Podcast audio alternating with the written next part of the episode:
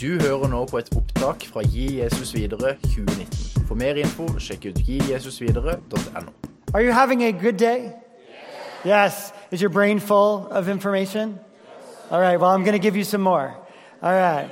So, uh, well, hey, uh, this past year I had the opportunity to write a book. I think I think you talked about that, uh, and uh, it was called "Caught in Between," and it is really all about uh, preteen ministry. And while I was writing the book, my mom and my sister were sending me photos of myself as a preteen. So I thought it would be good to introduce you to me as a preteen. So uh, there's there's me. Uh, this is uh, so this is uh, I think 10, 11, and 12 years old, and uh, I had uh, my mom. She really liked ties. Um, I actually went to a Christian school growing up, and they made sure that picture day was on chapel day, so all the boys would be wearing ties in the yearbook. Uh, so that's uh, so those are my school pictures. Uh, this is a significant picture because I am holding a Walkman. Uh, for those of you who did not grow up in the '80s, this was how we listened to music portably. And we had these things called cassettes, and they went into this tape player. And this was my Christmas present this was my Christmas present in, uh, when I was in sixth grade. So uh, this, I love music, and this was a massive part of my growing up, and so I was really excited about that. And then uh, this last one, um, apparently. I still really like denim jackets. So this is a first day of sixth grade, and I was really excited to get my denim jacket. And uh, now I'm 42 and still wear denim jackets. So it, it, happens. Um, so that's just a little bit about me. And I tell you a little bit about me as a preteen because the truth is, I want us all to remember that we were preteens once. Uh, part of why I wrote Caught in Between was to help us as church leaders, as parents, uh, as small group leaders, to look at our preteens and our environment and remember that we too were once like them. That we once didn't know that it was time to, to uh, start showering on a regular basis. That, that we uh, didn't know that it was, you know, time to maybe do homework instead of play video games. Uh, you know, that, that there are these moments that these 10, 11, and 12 year olds that are, ah, oh, they're just the worst, right? And, and yet they're amazing kids. And we have to remember that. And what's interesting about preteens is they are caught in between. See, we all wish child development happened in a straight line. We wish that it was so easy, and from a child was born to the time that they move on to whatever's next after secondary school, that it would be easy and simple, but it's not. There are twists and turns and ups and downs and backwards and forwards. And every so often, like a roller coaster, there's a giant loop. And everything in that roller coaster is built around getting people safely into and out of the giant loop. Well, in life, transitions between one phase of life to the next phase of life are giant loops. And we always have potential to fall off the tracks between one phase and the next phase. And that track is our churches. See, uh, what we're finding, at least in the United States, is that we're paying a lot of attention to kids who grow up in the church and then leave the church once they hit 18 years old and they don't come, or they get their driver's license and they, they leave.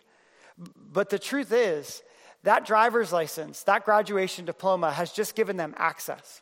They've really, they've really already made a decision to leave the church. And those decisions are being made younger and younger and younger, and many of them are happening when the kids are preteens. So that's why we decided at Orange, where I work, and uh, thinking, something that I've been researching for a while, is to figure out what is a preteen? Why does it matter? And what can we do to help these kids not fall through the cracks, um, not stop going to church, not checking out of our environments, but to keep going and keep pursuing a deep relationship with Jesus Christ.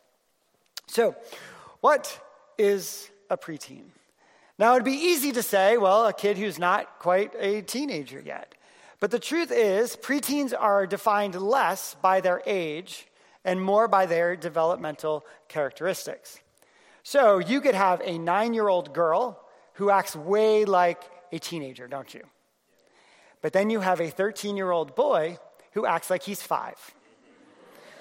Okay? So he's technically a teenager, but there's no way he's thinking like a teenager.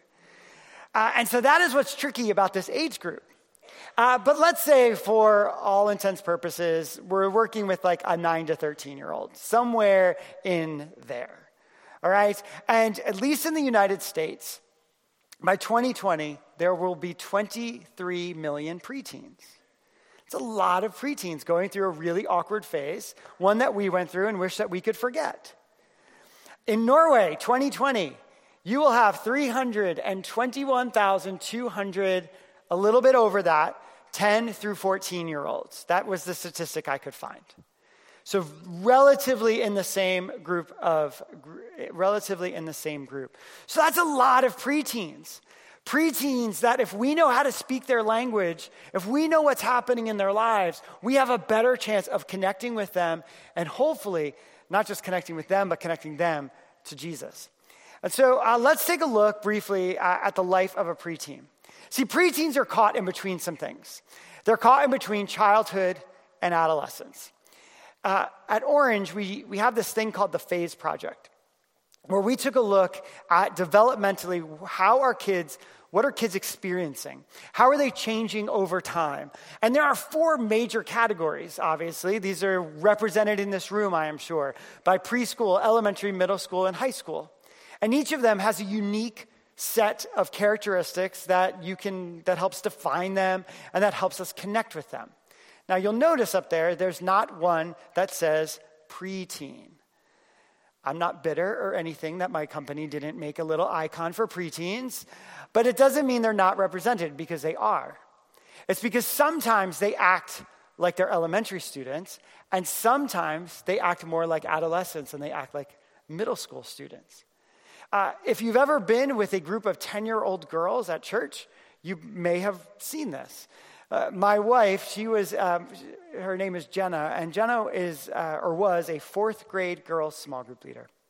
And as uh, a fourth grade girls small group leader, she had weeks where half of the girls had, you know, stuffed animals or blankets or just things, little toys that they brought to church. And half of the group would have purses with makeup or technology in their phones, and they were like, oh, they had, they had arrived. And then the next week, it would totally switch. And the girls that had the stuffed animals wanted to be grown up and have the purses. And the girls with the purses remembered how nice it is to have their dolls and have their stuffed animals. And this is the world in which we live when it comes to serving these kids. One week you're getting a kid, the next week you're getting an adolescent, and you don't get to choose which shows up. They don't even get to choose which shows up. That's what's happening in their brain. But there is something important that happens when a kid turns 11. There's the magic age of 11, is what I call it. And what happens is very significant. When a child is born, when they come out, I saw a newborn uh, back here, over there, yeah. When a child is born, there are as many neurons in their brain as they will ever have. Those neurons are just not connected to each other yet. And over time, they get connected, synapses are formed, and things start firing and working. And a child becomes this, you know, little cute blob that sits in your lap to a walking, talking, you know, havoc wreaking little child all over the, where you're baby proofing your house. And, and it just happens and it's crazy. And then they turn two years old and you wish that they weren't two years old anymore. And because it, it's, it's just a crazy time of life, isn't it? Two, three years old. But then around eight or nine, life tapers off. Everyone wants to work with eight and nine year olds. They're old enough that they do some amazingly awesome things, but they are young enough that they aren't snarky. They aren't mean. They aren't making fun of people quite yet. But then they turn 11. And it all changes. And in fact, if you take a scan of an 11 year old's brain, it looks exactly like the brain of the three year old down here. Except now, they can walk and talk and run away and kick doors. It's, it's a crazy time of life for them. Their brain is going through something called cognitive pruning. See, the brain is getting rid of everything it doesn't need in order to make room for what it does need for adulthood. Uh, another word for this is puberty, um, but no one likes to talk about that, so we're going to call it cognitive pruning. but cognitive pruning is, is important because from week to week, lots of things are happening in the life of a preteen. So they have school, they have maybe they have sports or activities that they that they participate in. And we often, if they show up week to week and they come one Sunday to the next Sunday, you're like, what are we talking about this week? What are we talking about this month at our church? And they're like, I don't know, Jesus, you know, because they figure that's, that's the right answer, right? You're like, no, we're actually talking about David. We've been talking about David all month. I don't know where you've been, but that, you know, and so you end up getting frustrated at them. But the truth is, preteens are losing their minds. And so what happens between one Sunday and the next Sunday is almost a lifetime apart. Because if the brain is getting rid of everything it doesn't need that week, if there's no need for the story of David on Wednesday, their brain is thinking about I have a math test tomorrow. I need to remember math. I have a big football game this weekend. My brain needs to get ready for football. And their brain is just going through lots and lots of changes. And their brain is actually waking up to, to gray thinking. So originally, when you're born and, you, you're growing up in, your, in elementary school, you think very concretely about the world, very black and white. And then all of a sudden, your brain is awakened to not everything is as black and white as you once thought. There are nuances to the world in which we live. And there are aspects of Bible stories that we don't tell little kids, and they are certainly starting to become aware of this. So I don't know about here in Norway, but in the United States, a lot of our nurseries have pictures that look like this happy little rainbow filled pictures of Noah's Ark. Two by two animals. It's super cute. Everyone loves this story. And then all of a sudden, a child turns 11, 10, 13 years old and is like, wait a second. This story is pretty dark. This story has 11, like millions of floating dead bodies in the water. What is happening here? You told me that God is love. And yet I look at a picture like this and I'm like, where's God's love in this picture? And so they start questioning everything. And this is what is so difficult for kids this age.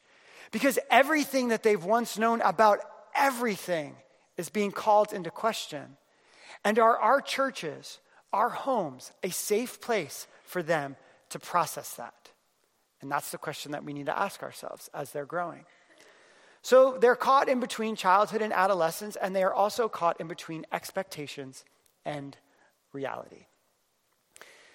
Everything is changing for this age group. Uh, life is starting to get more complicated. And there are lots of expectations that we put on preteens. Expectations, because they're getting older, we think, oh, they're just like adults, except they're not like adults. And so they're going through some stresses that are impacting their life. And so the first stress that they have is school stress.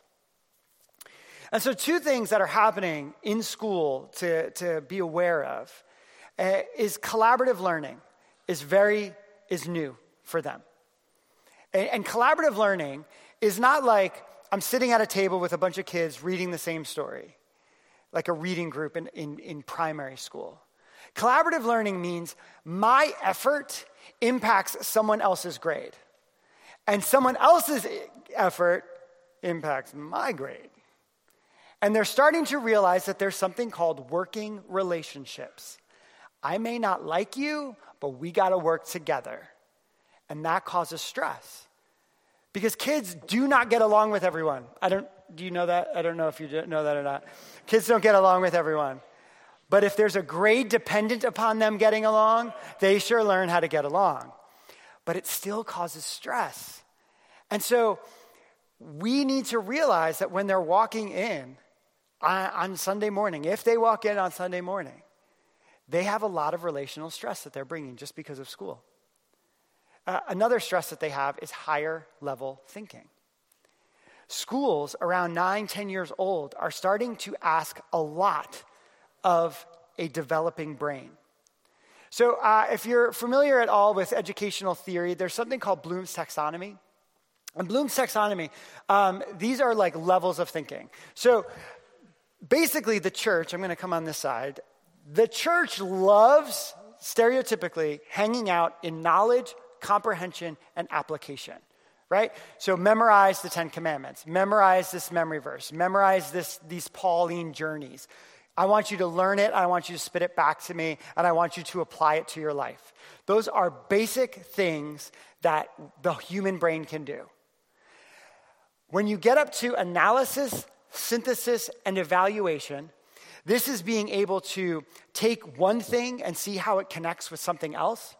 This is being able to take information that you learned in one context and being able to apply it to another context.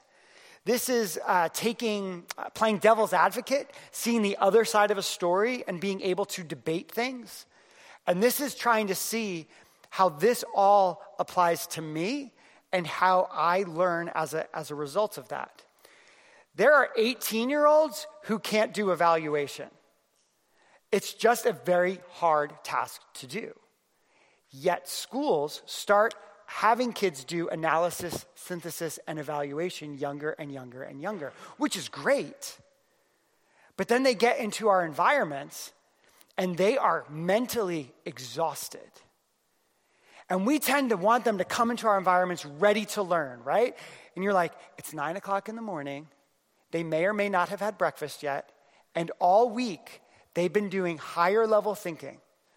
What if our churches could be a place of Sabbath even for children? And that we're not there and saying, oh, we only have, we only have this one hour. We're going to stuff all of this information in their heads. And they're like, I'm out.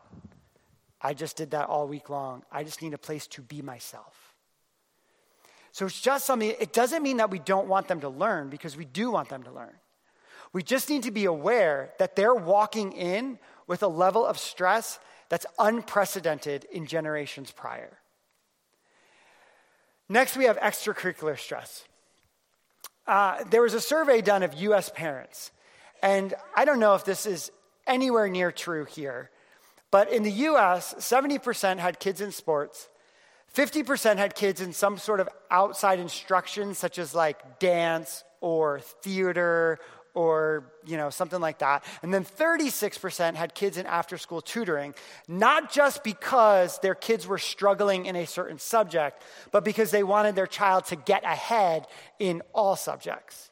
Now if you add that up that's more than 100% meaning kids are doing multiple activities week in and week out.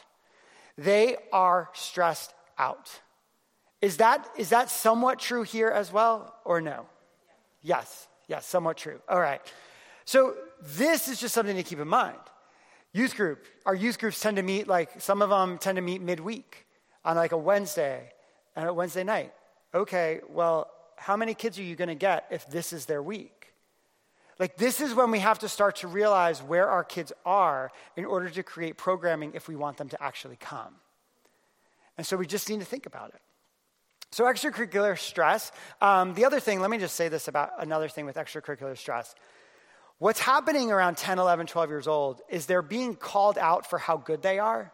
So, you have these kids who are excelling at different sports and are being asked to become more competitive. They're being asked to say, hey, here's the thing like you're really good at this we would like you to join our travel team that all weekend long you're going to be in another part of the country you're going to be another part of the state you're going to be another part and like you just, it's just different, right? And you have kids who are now having to try out for teams and they're not making the teams that they thought they would make.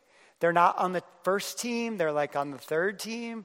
And so they're questioning, like, oh, is, am I, am I really good at hockey? I thought I was good at hockey. Why am I not good at hockey anymore? Like, like there's just these things that the kids are dealing with that, that we don't even necessarily think about when we're programming for a Sunday morning. Next thing are cult- cultural stress. cultural stress.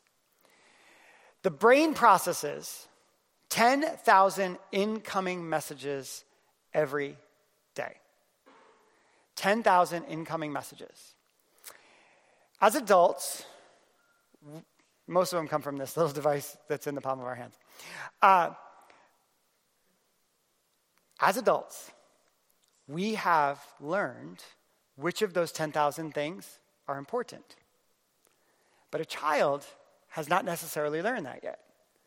And their brain has to process all of the incoming messages. And in 2019, going into 2020, we switched between up, we switched between screens up to 21 times an hour. Talk about attention spans. They're virtually non existent. Because even when we are paying attention to a screen, that screen itself is changing every seven seconds if we're watching a television show or watching a movie. And so these are things to keep in mind that it's causing our kids to, to change. Depression is on the rise, thoughts of suicide are on the rise. There's a statistic that came out that if you are on your teenagers on their screen for more than five hours a day, are, are 70% more likely to contemplate suicide. 70% more likely to contemplate suicide if you're on your device more than five hours a day. And yet, um, yep, I just said that. Uh, 79% of preteens, not teenagers, preteens use a tech device daily. And 90% of them consume media daily. Now, I want to say this this isn't all bad, right? This isn't like them binging YouTube for eight hours a day. I am sure that there are some of those, but for the most part, I mean, this could even be at school, right? Like, if there's a school where they're on computers, if they're on a device and they're like learning something that's on a screen, that's part of this. That, that works into this. Into this. Uh, but 90% of preteens consume media daily. I started listening to music when I was a preteen. Like, I remember the first time I heard U2. Like, I remember that moment, like, very, very vividly. Uh, and preteens, it's the same for them. And what are, what are they listening to? What are the messages that they're being fed? These are some of the things where we need to do our homework. And we don't have to like it, but we do need to know about it. Because if we don't know what's being told to our kids, how can we combat that with the gospel? Because if, if, if, I don't know what, what Post Malone is singing, if I don't, you know, if I don't know what the, you know, if I don't know what Shawn Mendes is singing about, like, how am I going to help a child learn to discern the voices if I don't know what the voices are saying? And so we do need to do some homework uh, when it comes to that. And Google is your best friend, right? Google it. I always Google, um, I have like subscriptions to, like in the United States, it's the Billboard like Hot 100 or you can go on Spotify and you can see, you know, actually in the States, we can actually, I could see like what are the top 50 songs in Norway right now, right? Just look at that list and Google some of the lyrics.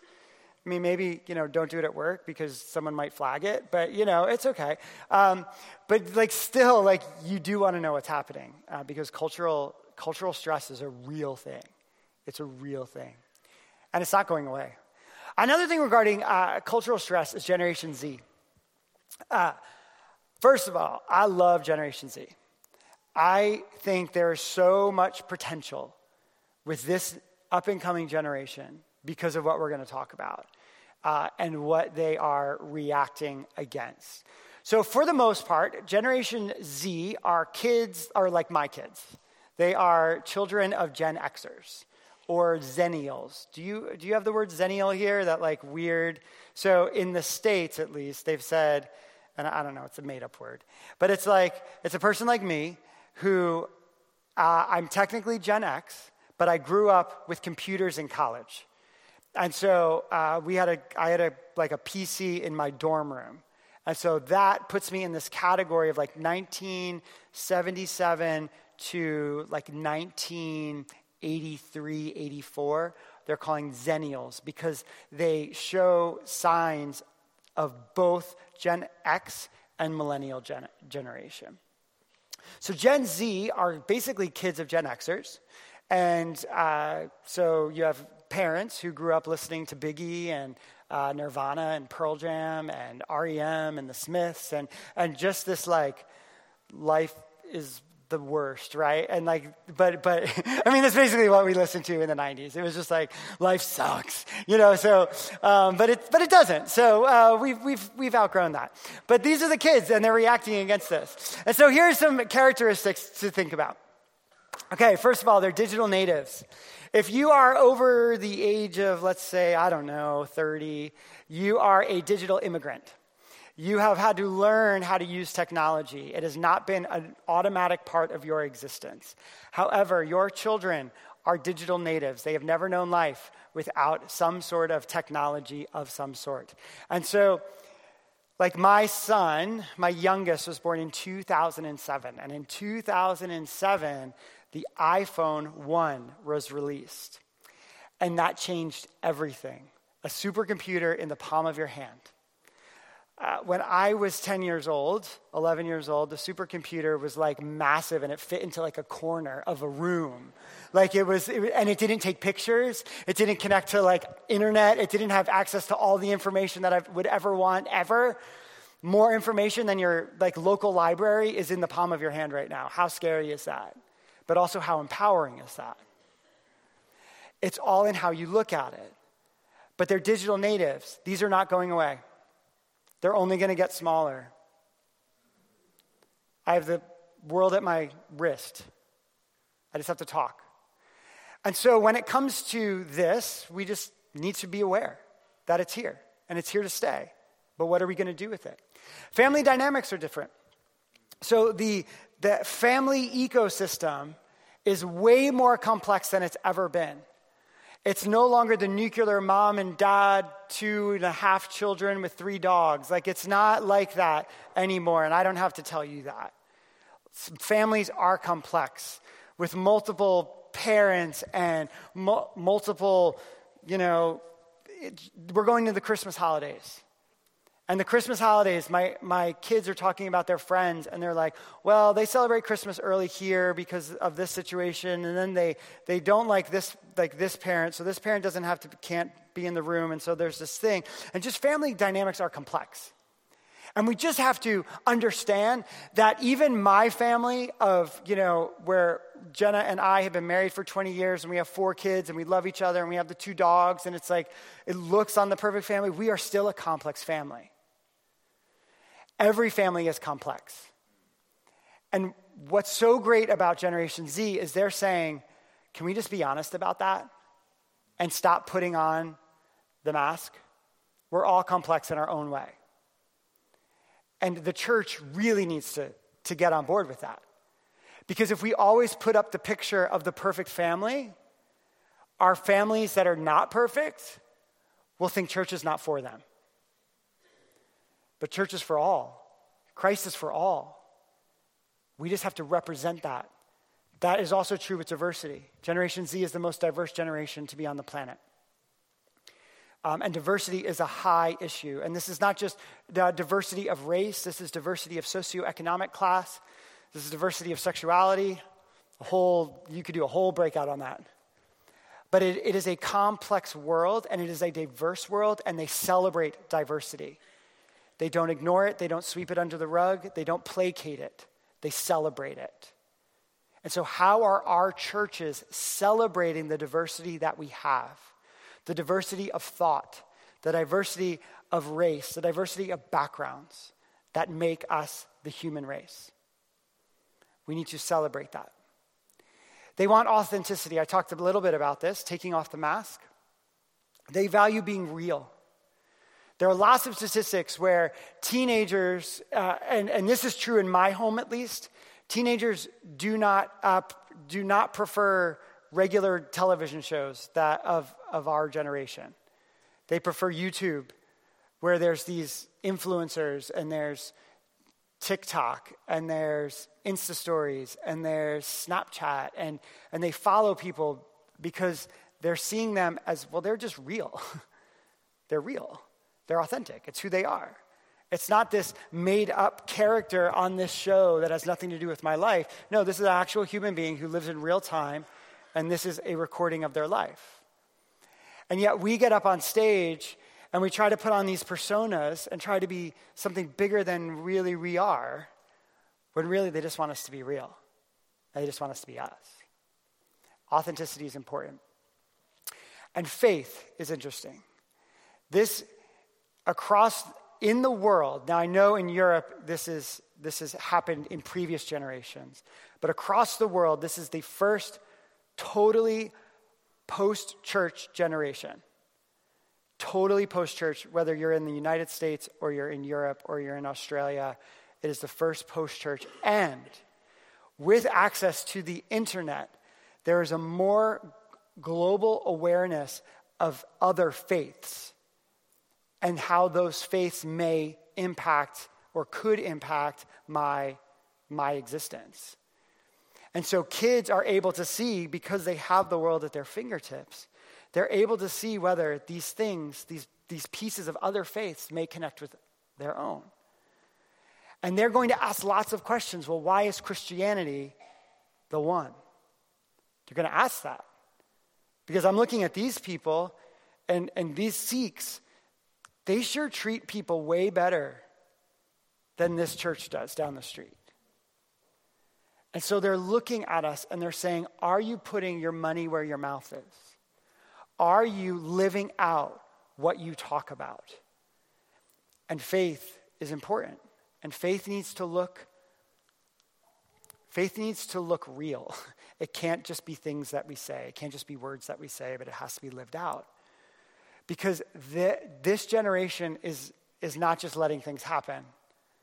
Um, they, are, they are mobilizing themselves via technology to make an impact, to make an impact on global warming, to make an impact on climate change, to make an impact on, eh, you know, in the United States at least, on gun violence. They're making an impact and making headway in lots of different places.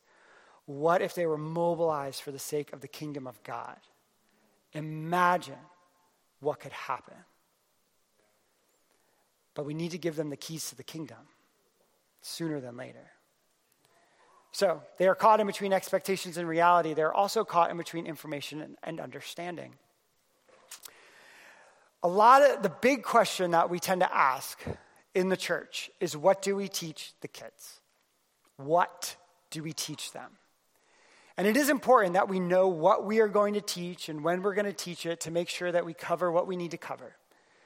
But as important as that is, we also need to be aware of another question how do we teach them? How are we helping kids interact with the Word of God? The how is as important with the what. So we should teach them in a way that first builds critical thinking skills.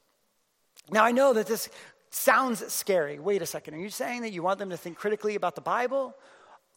I'm saying I want them to think critically about everything. If you have the world at your fingertips, and you have a question about faith, and so you're going to ask Siri, you're going to ask Alexa, you're going to ask Google, hey, who was Jesus?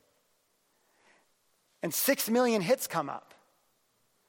And the first five of them paid to be one of the first five. What if they're not what I want my child, my teenager, clicking on? But they're like, oh, well, it's a, I asked, who's Jesus? Psh, I'm going to click on it. And it's probably, it could be from a cult. We don't know. And they don't know. Remember, they're still learning all of this. How are we helping them discern the voices that are coming at them? Why can't our church be the place where they learn how to think critically about the world through a lens of faith? Because they're learning how to think critically about the world at school, in their homes, but not through the lens of Jesus. And so let our churches be a place. Where did I put my clicker? There it is. Sorry. ADD kicked in. All right. We're going to teach them in a way that encourages autonomy. This is where I meant about giving them some of the keys to the kingdom. See, I live, we live in a world that's fully customizable. I can get a different watch band. I can put a different screensaver. I can get a case for my phone. I can pick which phone I want. I can even get it in a certain color. I, and kids, preteens, they get to match their clothes, they get to wear what they want, they're starting to do lots of things on their own. And yet they come to church and they're like, this is what we're learning, and this is what we're doing, and this is what we're.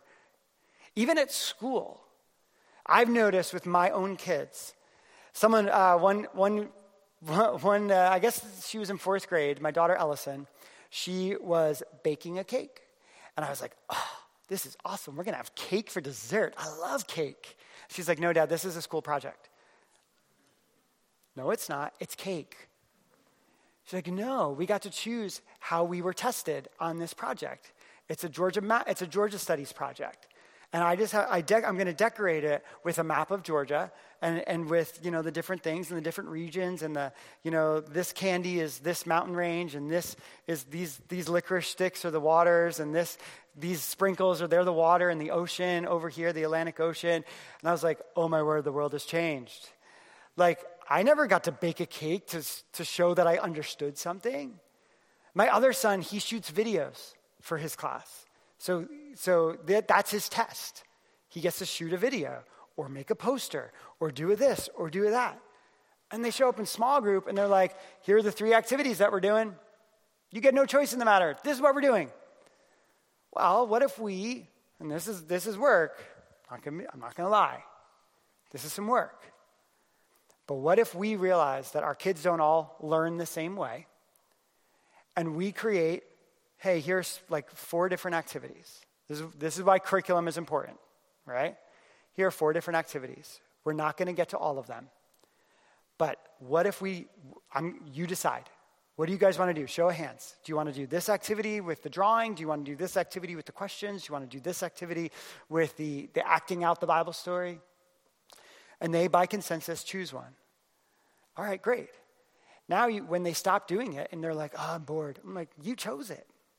That's your activity.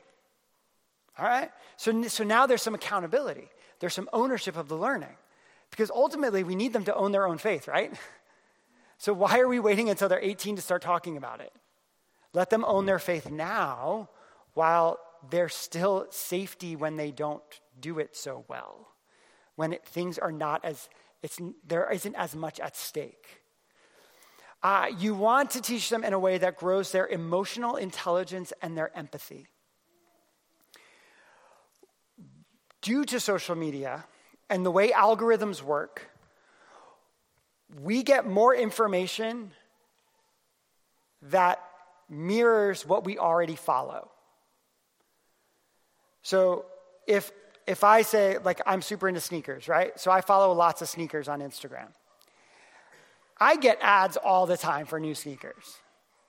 If I follow, you know, if you're super into music and you follow lots of musicians, you're going to get ads about concerts coming locally.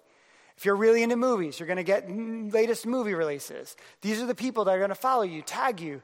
You're going to do this, which is scary and kind of cool, but it also means that we're not, it takes more work to hear someone else's opinion. Because all the information that's fed to us via our little devices is all information we already agree with. Yet, the beauty of diversity is something that you experience in your life, even if I don't understand it or agree with it, can still impact the way I live my life. So I, I want to hear your story. I want to know what it's like to live life in your shoes. If you have kids in small groups, you have a focused group, you have a petri dish of what it could mean to learn empathy and emotional intelligence. What is life like on the other side of me? That's, that's emotional intelligence. That's the question that you ask.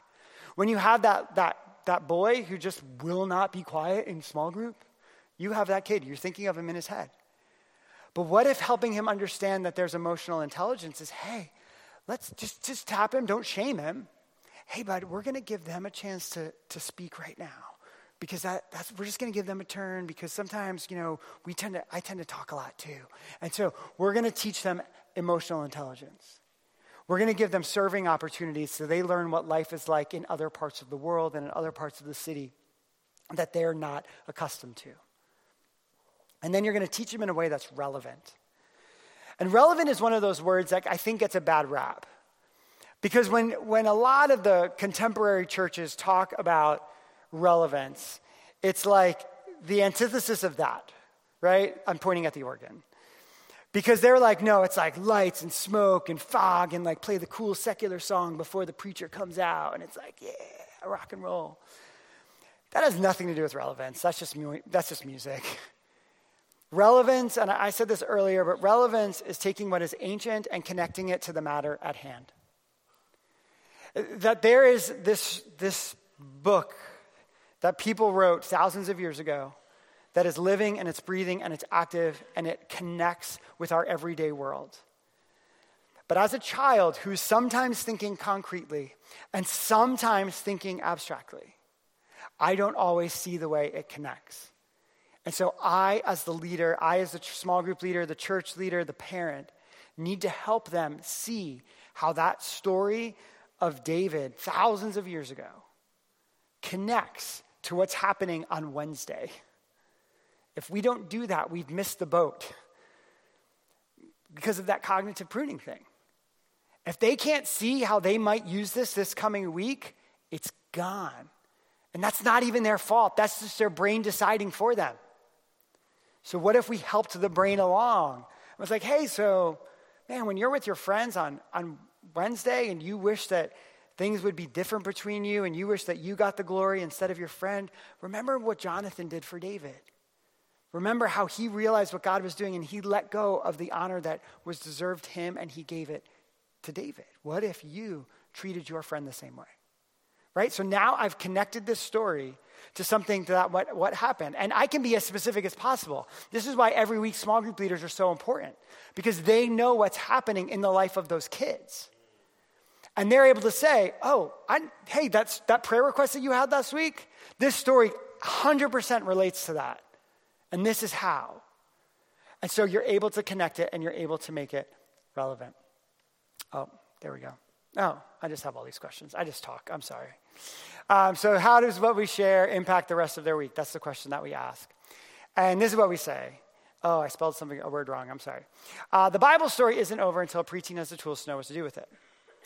So, so what I mean by this is that because they're preteens and because they want to experience autonomy, because they uh, are doing higher level learning and they're able to do some of this on their own, what if, on the context of Sunday, we don't just have them spit back information, but what if we taught them how to study God's Word? What if we taught them and gave them the tools that while they're not with us, which is more often than not, that they're able to do some study on their own. They have the Bible in the palm of their hands. They can, at least. And so, what if we taught them how to use it? So, when they read a Bible story, they can look and, and they can click on something and they can do have a devotional life and they can do their quiet time and they can connect some dots. They, we teach them what a, how to use Google correctly when it comes to faith questions. It is possible to help them learn because once they learn, man, they got it because they're digital natives. Like when you think about who they are, and we're still teaching like it's 1985, like we're doing a disservice to a generation who is hungry for something more. And so it just, but, but we, it, it takes work, right? But I, I personally think it's worth it. So the most important environment you can create in your church is a relational environment where kids feel like they have value and are active participants in what they experience. A child will forget how cool your environment is. They will not forget the impact of a relationship. Uh, there's, it's actually scientific. Um, it's called the law of divi- diminishing returns. You can have the coolest environment ever, but uh, after a while, you don't even see it anymore. If you're new and you've never been here before, like, like me, when I walked into this room, my brain was scanning everything. Okay, where's the tech booth? Who's, who am I working with? All right, cool. All right, where's the stage? Okay, um, there's this little thing. Don't step here because I'm going to fall. Um, there's a stage here, so you're going to have to watch where you step because you don't want to fall down the stairs. My brain is doing this without even me thinking about it. And your brain does the same thing. But if I show up here Sunday after Sunday, week after week, I, I, didn't, when I came in here for the second session after I was here first session, my brain didn't have to work as hard because it knew some of the answers already. The same is true of your kids in your environment. They walk in week after week after week, and if nothing changes, they're going to think, oh, nothing's changed. I don't have to pay attention anymore. Isn't that tricky? So sometimes when kids don't pay attention, it's their fault. And sometimes when kids don't pay attention, it's our fault. What if our environments were places where they walked in and they saw something new? Where there was a new picture on the wall, there was a new activity for them to do, there was a relationship on stage that they were like, oh, I don't care about any of this, but I like her, I like him. That's why I keep coming back. Because what happens for a fifth grader or sixth grader, I am not sure when elementary school uh, is finished here, but in the States, a child can be in an elementary church environment from the time they're in kindergarten, uh, five years old, to the time that they're 11 or 12 years old. That is a long amount of time to be in the same environment and know it. And so, no wonder they're checking out as a 10 year old because they remember being here as a five year old. And if nothing changed, they're going to think, oh, this is for little kids. This isn't for me. My school has changed. My level of com- competition in sports have changed. I now have access to technology that I didn't have. Everything else in my world has grown up with me except my church. My church still treats me like I'm a little kid. So that's why I wrote Caught in Between. Because I just feel like if we take a look at our churches and say, what can we do for 9, 10, 11, 12, 13 year olds to be super specific, super unique, give them an experience where they're leaders, where they're serving, where they get a choice that these kids didn't have, where they get an experience that these kids didn't have, these younger kids. What would it do into how they see the church now and how they, how they see the church in the future? See, I, when, I was, when I was doing this, when I was writing this book, I, I kept thinking to myself, why did I make it out? Why do I still have a relationship with Jesus? Surely it's nothing that I did because I'm a mess. Uh, and it, I, I, I just thought back to that time, and I had a youth leader. His name was Tom. And I found Tom on Facebook, as you do, and I gave him a call. And we were on the phone for like two hours. We hadn't talked in 30 years. And I said, Tom, there are so many of us that were in your youth group who still go to church, who still love God, who still are, are actively pursuing this relationship with Jesus. What did you do? He's like, Well, a couple things. One, I got your parents involved. And two, I treated you like you were the church because you're the church. Um, and this was the 80s. And back in the, I guess back in the 80s, it really wasn't about having kids be the church. It was about giving them a fun place to hang out. And he said, no, we're going to do service projects. I grew up, I grew up outside of New York City. So we would go into New York City and work at some of the homeless shelters. We'd f- f- deliver food or pack sandwiches or just do sorts of things to be the hands and feet of Jesus. Uh, we, he's like, we talked about hard things because you needed to know about hard things and you needed to know how to process those hard things. I just realized if I treat you like the church now, there's a really good chance you'll treat someone else like the church down the road. Because you're going to hang out here for a while, because it's your church, you own it. What if we helped our kids now realize that they truly are co creators in the kingdom of God? That they have the Holy Spirit as much as we have the Holy Spirit. That they are part of the body of Christ as much as we are the body of Christ. And tap into their God given abilities to do amazing things in the world. I think we'd catch a lot more kids in between and they wouldn't fall through the cracks. So thank you so much for hanging out. Let me see how much time I have left. I have 10 minutes. So, if there are any questions, do we have a mic to hand to, where's my host? Oh, awesome. So, can you, if someone has a question, can you head over to them? If they don't, if you don't have questions, go to dinner early. That's fine. Um, but if, but if you do, uh, I'm welcome to ask them, answer them. No questions. All right. That's all right.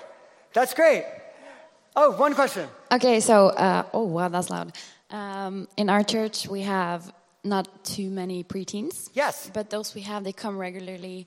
Great. Because we have this Saturday club. Oh, nice. So they come to that and they enjoy it, but they don't come to church. Ah, yes. So I was just wondering, do you have any like, because most of their parents doesn't really go to the church, so Yeah. it's just they place their kids on Saturday club and then yeah. So how can we like make the kids drag the parents to the church? Ah, yes, yes, yes, yes, yes. Well, um, it is true that if a, a kid wants to do something, parents are likely to, to do what the kid wants. That's, that's 21st century parenting. Um, that wasn't the parenting that I grew up with. um, but this is what I would say Is there something that, or a role that those kids could do on Sunday morning? So it's not just that they're going to attend another thing that looks like what they attended on, on Saturday, but there's like another level to it, whether they are assistant Sunday school teachers or they are the welcome committee where they're at the front doors to the church welcoming the kids who come in as much as the adults are welcoming the adults, their parents that are coming in. Um, if you, that has worked, I've seen, where kids will come back because they have, they feel important because they have a job to do. Uh, and and again, like it doesn't have to be like something major, but like it, it could be something. They get a name tag. Uh, in the United States, churches love a T-shirt, so like we give a T-shirt to everyone, you know. And so preteens have preteens have T-shirts um, that uh, you know, and like in our church, preteens can start serving with their parents. So, um, like, if a parent is a parking attendant, they can help their parents uh, as a parking attendant, or if they're a small group leader, they can help be, them be a small group leader with uh, little little kids, like in the primary, like super uh, preschool age groups. Um, but often giving them a role and making it different so they know they're coming to something else. Um, and then you can use that Saturday thing to help build leadership skills as much as you build faith skills. Um, and so it can serve like two purposes. Um, that's an idea. Yeah, yeah. Yeah. Yes, thank you. Uh, if we do such things like giving them some task, but they do it like, okay, then, yeah, because I have to do that, because my father otherwise will be angry. Should Yeah. we continue doing that, or how far should we wait actually? So yours. So um, let me let me make sure you're, I understand the question. So the kids are going to roll their eyes and react against what you're asking them to do, right?